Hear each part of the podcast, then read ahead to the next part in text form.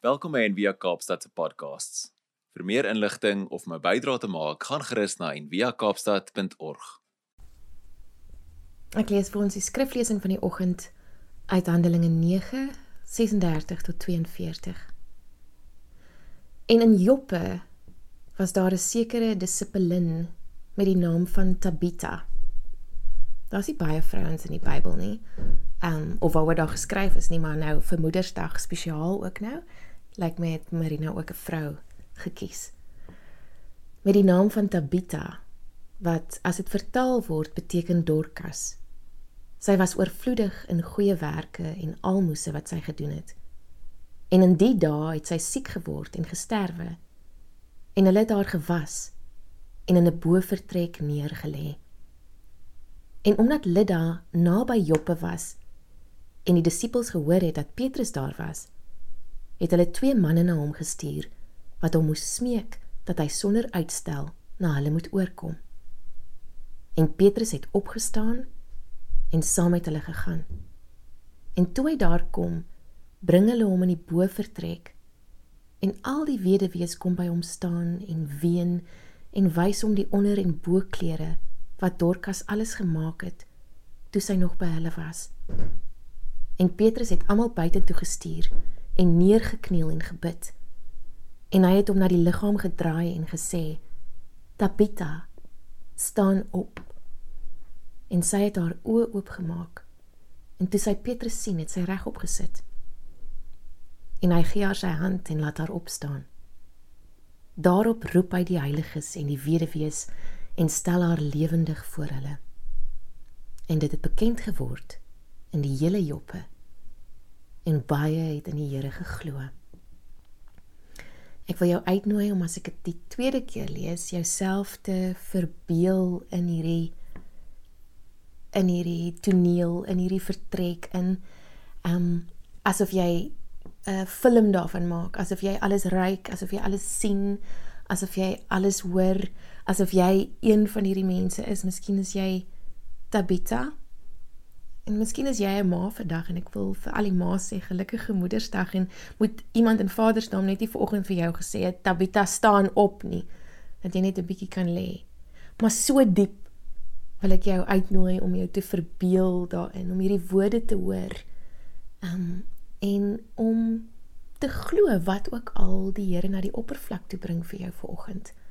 Of hoe diep hy jou ook al tref deur deur een woord waaraan jy dalk nog nooit van tevore gedink het nie. Ek kan jou oë toemaak. En in Joppe was daar 'n sekere dissipelin met die naam van Tabitha wat as dit vertaal word beteken Dorcas. Sy was oorvloedig in goeie werke en almoses wat sy gedoen het. En in die dae het sy siek geword en gesterwe en hulle het haar gewas en in 'n bovertrek neergelê. En omdat Lydda naby Joppe was en die disippels gehoor het dat Petrus daar was, het hulle twee manne na hom gestuur wat hom moes smeek dat hy sonder uitstel na hulle moet oorkom. En Petrus het opgestaan en saam met hulle gegaan. En toe hy daar kom, bring hulle hom in die bovertrek en al die weduwees kom by hom staan en ween en wys hom die onder en bo klere wat Dorcas alles gemaak het toe sy nog by hulle was. En Petrus het almal buitentoe gestuur en neergekniel en gebid. En hy het hom na die liggaam gedraai en gesê: "Tabitha, staan op." En sy het haar oë oopgemaak. En toe sy Petrus sien, het sy regop gesit en hy gee haar sy hand en laat haar opstaan. Daarop roep hy die heiliges en die weduwees en stel haar lewendig voor hulle. En dit het bekend geword in die hele Joppe en baie het in die Here geglo. Tot sover.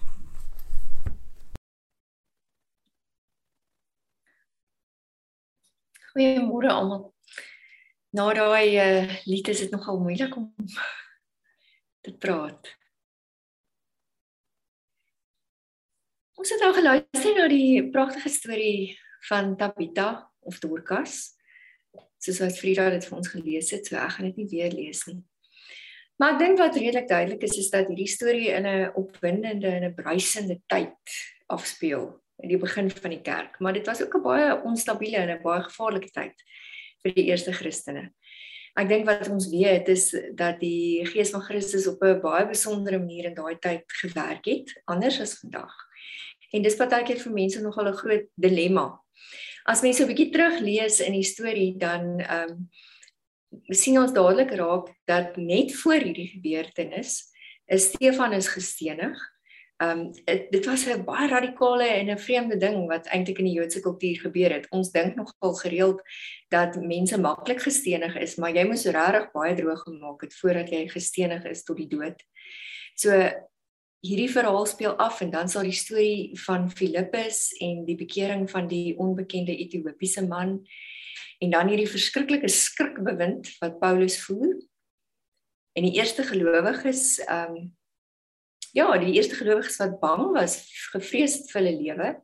En dan net voor hierdie verhaal van Tabitha wat ons nou vanoggend lees, kom Paulus dan op 'n radikale manier tot bekering. So die hele verhaal word eintlik geskets van 'n geweldige ryk, maar ook 'n onstabiele en eintlik 'n gevaarlike tyd.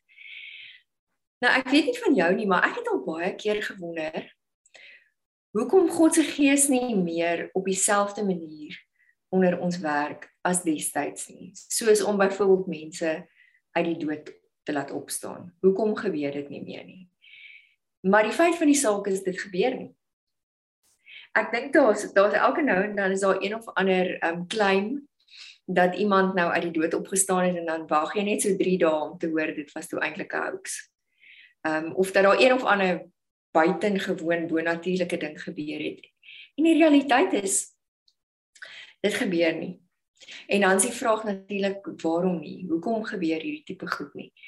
Ek dink 'n antwoord sou kon wees dat God se gees in daardie tyd op 'n spesifieke manier onder mense moes werk om aan hulle te wys dat dieselfde gees wat in Christus aan die werk was, dieselfde gees waardeur Christus mense gesond gemaak het en mense uit die dood opgewek het, ook nou in die apostels aan die werk was en dat dit eintlik nie die mense was wat hierdie genesings en hierdie opwekkings gedoen het nie, maar dat dit eintlik Christus is wat hulle lewendig maak.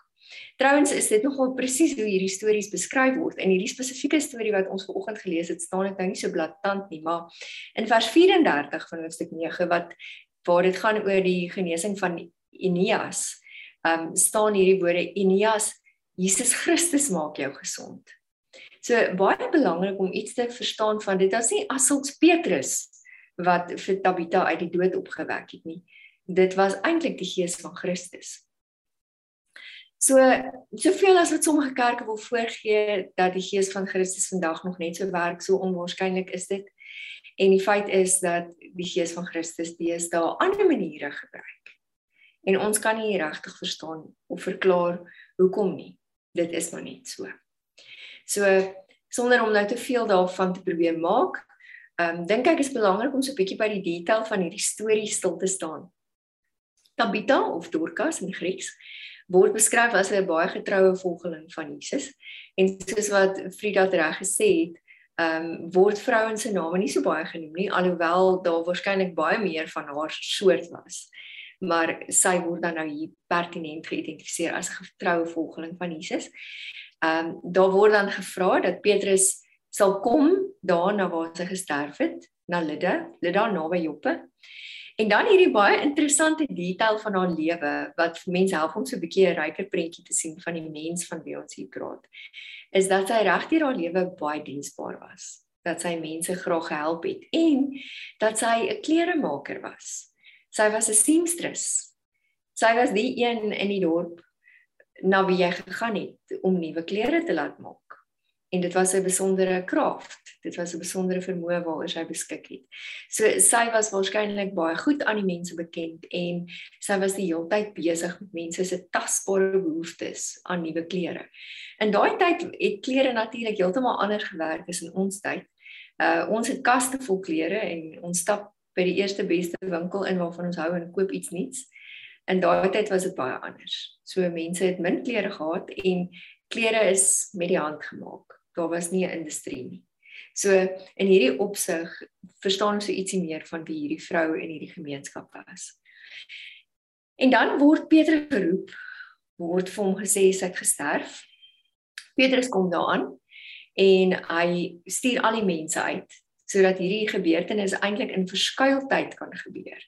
So 'n baie belangrike tema wat ons elke keer in die evangelie terugkry is dat dit nie flashy is nie, dis nie in die spotlight nie. Uh dit gebeur eintlik agter toe deure net daar waar Petrus en hierdie vrou wat eintlik dan nou nie meer lewe nie teenwoordig is. En dan bid Petrus tot Jesus Christus. Hy draai om en hy sê vir haar hierdie woorde: Tabita, staan op. En net daar word sy lewendig. En dan vertel die verhaal vir ons dat die resultaat was dat baie mense tot bekering gekom het en in Jesus Christus geglo het. Nou ek dink as ons vir onsself sou vra wat die dieper en die ryker vir betekenis van hierdie verhaal vir ons is, dan moet ons erken dat soveel van ons en baie in ons tyd in soveel doodsheid vasgevang is. Daar is soveel doodsheid in en om ons. En die dilemma is baie dikwels dat ons dit nie eers kan erken of herken nie. Baie van ons het het letterlik die gevangenes van dood geword. En sonder dat ons dit eers raak sien, is ons baie keer soos zombies. Ons is soos lewende dooies wat lewe en beweeg en alles doen wat ons moet, maar ons is so vasgevang in die doodsheid van ons eie lewe. En die vraag is natuurlik, Hoekom is dit so? Ek dink 'n mens sou hierdie vraag op 'n paar maniere kon antwoord. In die eerste plek sou mens kon sê 'n mens raak so gewoond aan 'n sekere doodse manier van leef, 'n sekere vasgevaldheid in jou lewe dat jy nie eers die moed het om doodsheid in jou eie lewe raak te sien nie. amper iets van daai beginsel van rather the devil you know than the one you don't. So 'n mens leef dan nou maar vir jare. Leef jy nou maar voort in hierdie vasgevangde situasie en 'n mens het net nie die moed om hierdie goed in jou lewe aan te spreek nie. Dis amper asof jy sê ek wil liewer nie die gevolge dra van wat dit sou beteken om die slapende honde in my lewe wakker te maak nie. En dan is die resultaat dat ons hierdie verskraalde en verkrampte lewens leef waar ons eintlik vasgevang is in verskillende forme van doodsheid. 'n Tweede rede waarom ek dink ons baie keer soos lewende dooi is, is is dat ons so vasgevang is in ons eie idees en ons eie vaste persepsies ons raak maklik so vasgevang in hierdie tronk van ons eie idees. Nou 'n uh, quote waarop ek 'n klomp jare terug afgekom het en ek dink die ding wat my amper meer aanspreek as die woorde as sulks is die beeld wat saam met die woorde gaan. En uh, ons kan dit miskien gou gou sien. Is hierdie woorde wat sê do not be caged by your own perceptions. Nou as jy vir so 'n oomblik net 'n bietjie saam met my kyk na hierdie hierdie beeld, dit is eintlik griesaam. Griesaam in die sin dat ehm um, dit iets sê van hierdie hierdie vasgevang wees binne in jouself in die tronk van jou eie persepsies en jou eie idees. En dalk is dit presies waarmee die Gees van Christus nou in ons lewe wil besig wees, is om ons te laat loskom uit die tronk en uit die rigiditeit van ons eie idees. En dit is nogal vir my ironies, ironies genoeg dat dit een van die groot redes is waarom ons ehm um, nie die gees van Christus in ons eie lewe kan ervaar nie en nie kan toelaat dat God deur hierdie skanse in ons lewe wil kan breek nie, juis omdat ons nie wil toelaat dat sekere dinge in ons lewe sterf nie. Dis mos maar een van die groot paradokse van die evangelie is 'n mens kan nie leef as jy nie bereid is om te sterf nie. Daar's soveel plekke in die evangelie wat presies dit sê. Ek dink aan daai Johannes 12 teks wat sê as 'n koringkorrel nie op die grond val en sterf nie, bly dit net een. Maar as dit sterf, sal dit baie vrug dra. In Matteus 10 en Matteus 16 waar Jesus sê wie jou lewe wil behou, sal dit verloor, maar as jy bereid is om jou lewe te verloor, sal jy dit terugkry. So hierdie merkwaardige gedagte dat Jesus ons eintlik nooi om te sterf. Dat hy ons ook nooi om te sterf aan die doodsheid binne in ons voordat ons uiteindelik sal kan lewe. Daar's 'n aanhaling van Albert Hase wat ek jou wil nooi om saam met my te lees en dit is vir my al vir baie jare een van die mees aangrypende aanhalings juis omdat ek glo dat dit op 'n manier die hart van die evangelie vertolk. Die woorde gaan so: We have so emphasized the life dimension of the New Testament that we have avoided coming to grips with its death dimension. We have avoided the fact that in the gospel Life comes out of death, not out of life. Trying to bring life out of life attempts to escape the necessity of dying to the old parameters of our existence, the necessity to relinquish the brokenness of our being, the necessity of letting go of those things that warp and misshape and distort who we are. So hierdie gedagte dat ons in die evangelie baie of as gelowiges baie keer sal sê, ehm um, Jesus het gekom ons lewe in oorvloed te gee, maar in die proses is ons nie noodwendig altyd bereid om daai goed in ons lewe te laat sterf wat veronderstel is om te sterf nie. So ons fokus so op die oorvloed van lewe dat ons nie bereid is om deur hierdie sterwensprosesse te gaan nie en tog is dit presies die pad van die evangelie as ons dink aan die lewenspatroon wat Jesus ook vir ons deur die Paasmisterie kom wys het 3 weke gelede wat ons Paasfees gevier het waar jy kan nie net kom van goeie Vrydag tot by opstanding Sondag en van daar af is alles fantasties nie. Jy moet beweeg deur hierdie proses van sterf die proses van dit gaan. En selfs na die opstanding is dit 'n geweldige uitdaging om aan te pas by die lewe na die dood by 'n lewe wat 'n opstanningslewe versimboliseer en Ronald Rolheiser skryf iets van hierdie proses waarmee God in elkeen van ons se lewe wil besig wees wat ons wil begelei waar ons eers moet toelaat dat dinge sterf voordat ons onsself kan oorgee aan die lewe en dan hierdie prosesse van lewe. En jy is welkom om hierdie woorde saam met my te lees waar hy Rolheiser dit so beskryf. Hy sê 'n eerste stap is surrender your will and dreams and hopes to God. Name your deaths.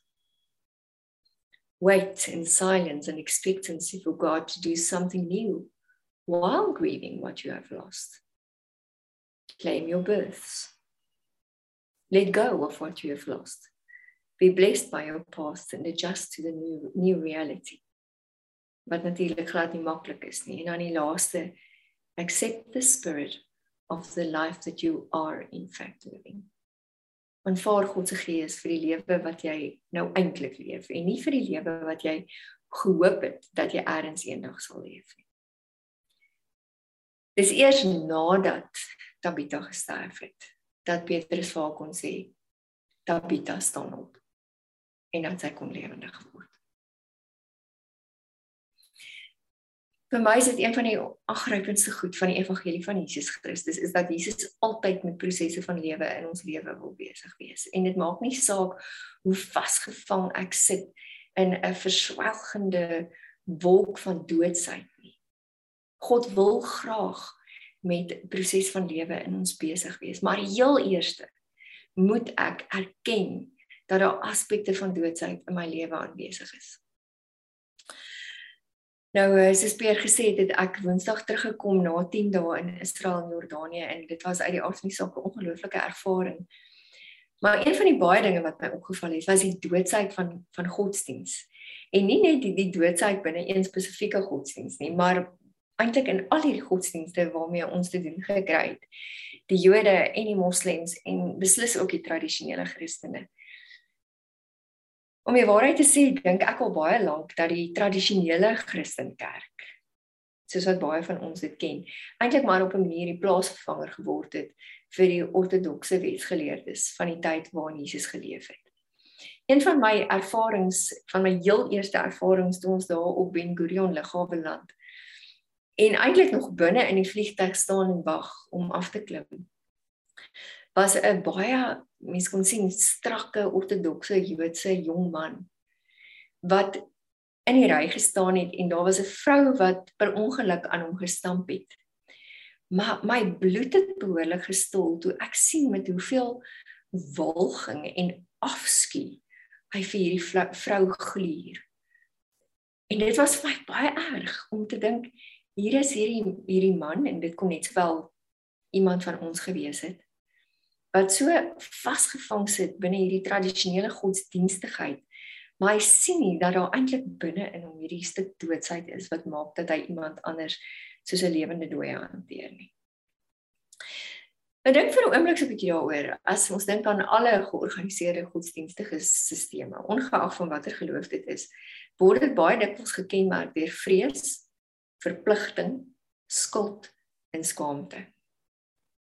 As mense wil sien hoe iemand se siel doodgaan, dan moet jy vir hulle hierdie giftige konkoksie voer van vrees, verpligting, skuld en skaamte.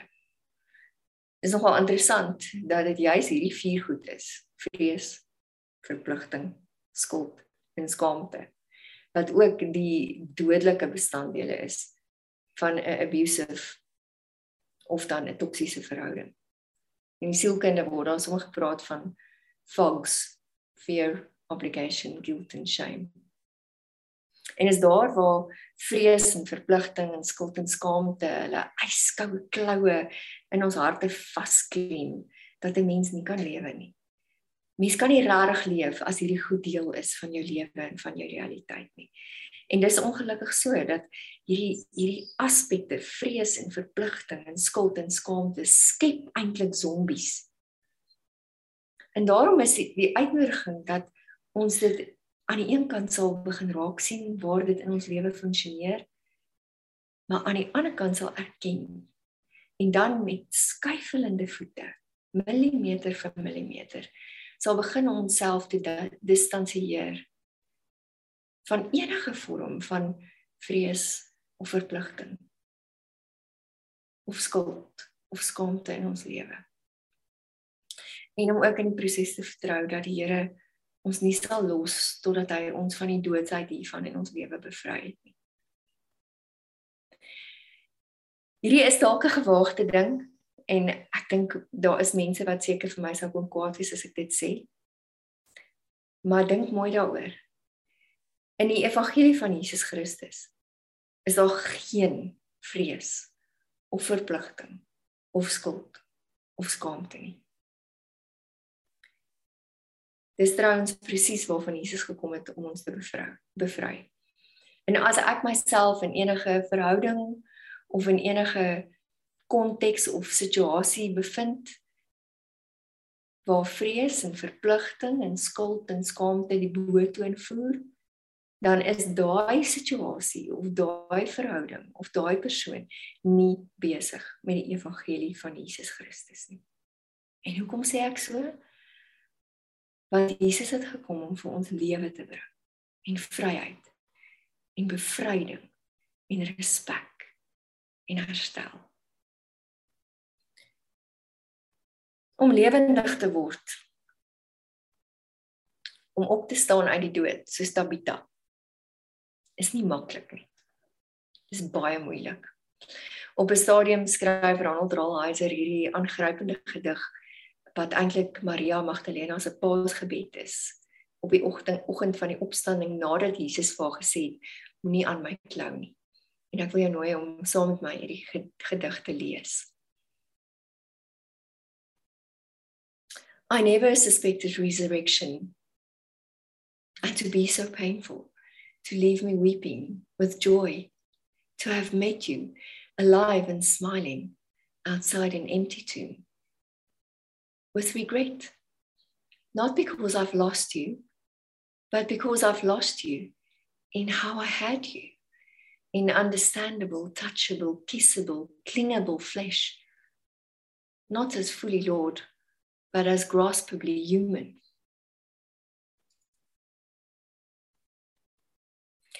I want to cling, despite your protest, Cling to your body, cling to your and my clingable humanity, cling to what we had, our past. But I know that if I cling, you cannot ascend, and I will, will be left clinging to your former self, unable to receive your present spirit. Soms wil ons klou, soos Maria Magdalena daai oggend aan Jesus wou klou. Maar ons wou ook klou, ons wil ook klou aan die doodsheid in ons eie lewe, net omdat dit bekend is. En dalk ook omdat dit verskriklik baie moed en dapperheid en waagmoed vra om te lewe. Maar Jesus roep ons ook om soos Tabitha op 'n pad van heelheid en gesond wees te kan leef. Jesus wil ons laat opstaan uit die dood. Hy wil ons herstel van enige doodsheid in ons. En hoe lyk hierdie hierdie genesing van Jesus? Dis altyd holisties, alle aspekte van ons lewe. Dit raak alle vlakke van ons menswees. Dit wil ons volkome heel maak. En in Jesus Christus wil hy ons help om te sien dat hy permanent met hierdie prosesse van lewe in ons wil besig wees. En daarom vra hierdie verhaal vanoggend eintlik vir ons twee fundamentele vrae. Die eerste is van watter doodsheid het jy nodig om deur die Here opgewek te word? En dan die tweede vraag. Wat het nodig om lewendig te word in jou? So op hierdie dag, die derde Sondag na Paasondag, herdenk ons eintlik weer die opstanding en staan Jesus voor jou en my. En hy sê soos daardie oggend vir Tabitha, staan op. Hy sê Pier, staan op. Dion, staan op. Marina, staan op in vers 41 staan daar hierdie mooi woorde Paulus het Tabitha lewend voor hulle gebring. En ek dink dit is my groot gebed vir elkeen van ons dat die Here my en jou weer lewend vir ons eie lewe sal terugbring. En daarom bid ons ook vir oggend in oorgawe en met die sekerheid dat God ons nooit sal los nie, met die vertroue dat God altyd met ons besig is met sy prosesse van lewe hierdie volgende gebed. En jy is welkom om dit ook saam met my te bid. Here, verlig die donker in ons. Versterk dit wat swak is in ons. Herstel wat gebroken is in ons verbind wat stikkend is in ons. Genees wat siek is in ons en laat herleef die vrede en liefde wat gesterf het in ons. Kom ons lees dit nog een keer en jy is welkom om dit ook nou saam met my op die skerm te lees. Here, verlig die donker in ons. Versterk dit wat swak is in ons herstel wat gebroken is in ons verbind wat swak stikkend is in ons genees wat siek is in ons en laat herleef die vrede en liefde wat gesterf het in ons amen